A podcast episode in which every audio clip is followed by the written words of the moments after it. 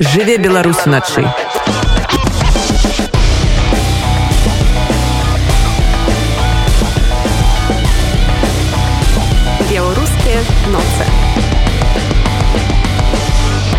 ольга сямашкалі мікрафона і нагадаю што вы на беларускай хвалі радыо унеты зараз датым беларускіх субота 21 траўня аб'яўлена днём палітычных вязняў з адпаведнай ініцыятывай выступіў праваабароншы цэнтр вясна у гэты дзень год таму шклоўскай калоніі нумар 17 пры нявысветленых абставінах памёр палітзняволены актывіст з бярозаўкі вітольд ашурак. Дню палітычных вязняў быў прысвечаны наш сённяшні ранішні эфір. Размовы у тым ліку з братам вітольда ашурка шукайце ў наших сацыяльных сетках. Не паспелі мы расказаць пра тое як правільна пісаць лісты падтрымки палітвязню за мяжы а таксама што можна пісаць у гэтым лісце каб яго пропусцілі турэмныя цэнзары. А што не вартам про гэта нам раскажа удзельніца валанцёрскай ініцыятывы напісання лістоў палітвязняў ад імя тых хто сам не можа даслаць такі ліст і праваабаронца вясны дар'я рублеўская. Мы два гады таму 9 мая што дзіўна 2020 запусцілі ініцыятыву якая падтрымлівала на той час там 20 мне здаецца тых палітвязняў.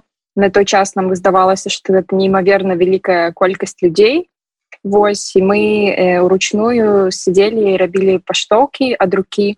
і як бы дасылалі палітвязняў Вось цяпер ініцыятыва з цягам часу стала зразумела што Э, мы таким чынам не спраўляемся ёсць вельмі шмат людзей якія не разумеюць гэта рабіць але э, падтрымліваць палітязна вельмі важна. Таму у нас з'явілась такая онлайн форма хутка яна будзе трохі відазмяняцца Я думаю что будзе еще больш юзабельная. Але яна дапамагае с любой кропкі свету выключна падтрымаць любога палітвязня альбо іншага зняволенага у беларусі. Что важно ведаць мы волонцёрская ініцыятыва мы не з'яўляемся таким паштовым сервисам тому что для нас у першачаргу важно падтрымліваць волонцёрскі рух і супольнасць вакол гэтых тэмаў і все паштоўки все пожаданні якія приходят до нас форму наши волонцёры волонцёрки ў беларусі переписываюць ад руки у нас есть э, такое меркаванне і наше уласнае назіранне что лісты паштоўкі подпісаны менавіта рукой не друкаваныя праходзіць лепей. Ну і у тым ліку яны дадаюць трошки больше душы по всю корэспондэнцию тому все волонтеры переписываюць под руки. Что можна что не можна пісаць да? Пэўна есть пожаданні учора дарэчы выйшла класна класная публікацыя у ольгі го которая выйшла сеза і яна там таксама вельмі добра распісала что ёй як экс-палітвязніцы было прыемна чытаць і што складана я написала про такі свой уласны досвед і распавядала што ёй напрыклад было вельмі прыемна чытаць про узгадванні добрых успамінаў пра нейкія выпадкі сумесныя як напрыклад людзі пазнаёміліся з ёй дзе я бачылі пра яе дзейнасць кшталту як яна арганізоўвала выставы іншая іншую дзейнасць то бок калі людзі узгадвалі штосьці сумеснае таксама у ольгі ёсць дзіцёнак і ёй таксама было прыемна чуць як іншыя людзі распавядалі пра яго то бок калі хтосьці дзесьці бачыў заўважаў як яны падобны з ольга якая які гэты там дзіцёначак разумны і я так далей. Ёй прыемна было э, атрымліваць лісты з укладаннямі якія былі папшыканы духамі нейкімі такімі парфумамі тому что гэта дадае таких э, прыемных э, уражанняў гэтай шэрасці. і ў таких уже вельмі звычайных і простых пахах умоўна кажучы але при гэтым вот яна якраз сказала что было вельмі непросто читать тое як люди распавядаюць про як яны пачалі валанцёрыць як яны ужываюцца прыжываюцца на новым месцы яна кажа што такія гісторыі лепей пакінуць на момант калі чалавек выйдзе адаптуецца і што ты будзе распавядаць словы накшталт ты сильная дзяржы справішся там скоро рассвет і так далее. Таксама былі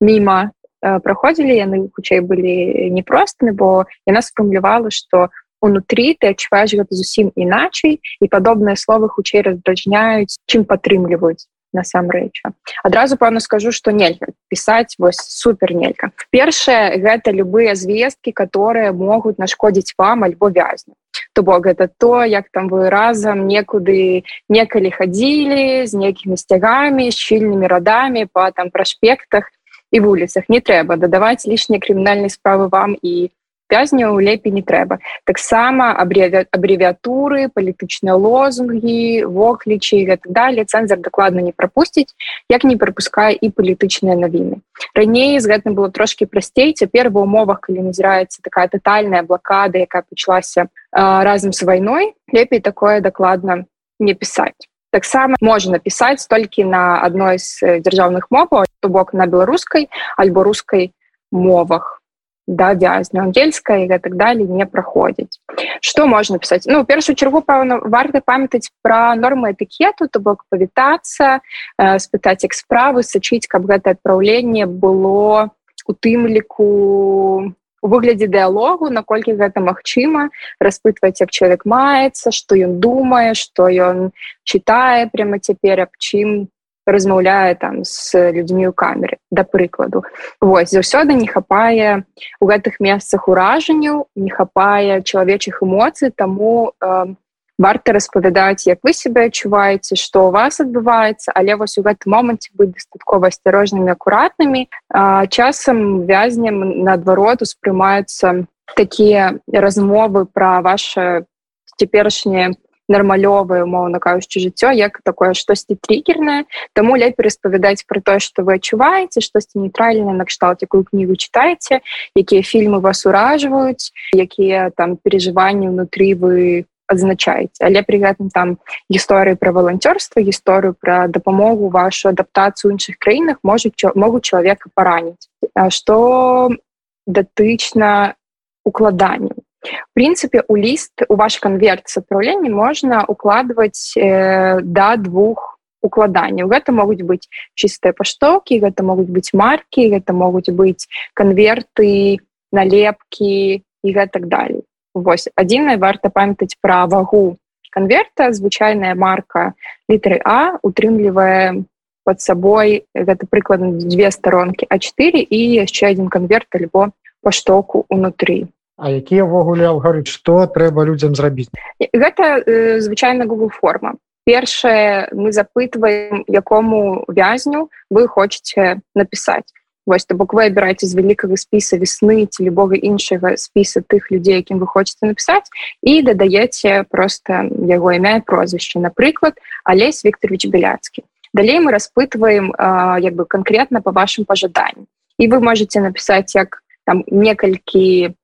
сказаў якія мы змесцім на паштоўку так і там цэлы ліст у некалькі старонак якія валанцёры таксама перапішуць. І третье пытанне гэта адваротная адреса. Калі вы хочетце атрымаць адказ на ваш ліст то вам варта будзе пакінуць свой альбо адрес сваіх блізкіх сваякоў знаёмых магчыма працы для того каб вязень мог вам адказаць. У выпадку калі такога адреса няма варта сказаць что с великкай верагоднасцю цэнзуру ён не пройдзе гэта першае. По-другое вы не сможете атрымаць адказ. Цяпер мы працуем над новой онлайн форма якая будзе прадугледжваць магчымасць атрымліваць на email на адрес электронной пошты адказ калі раптам ён прыйдзе в у тых умовах калі у человека напрыклад няма адваротнай адресы альбо гэта 10 далёка за межу альбо іншыя іншыя прычыны Вось такім выпадку мы просто шукаем нейкія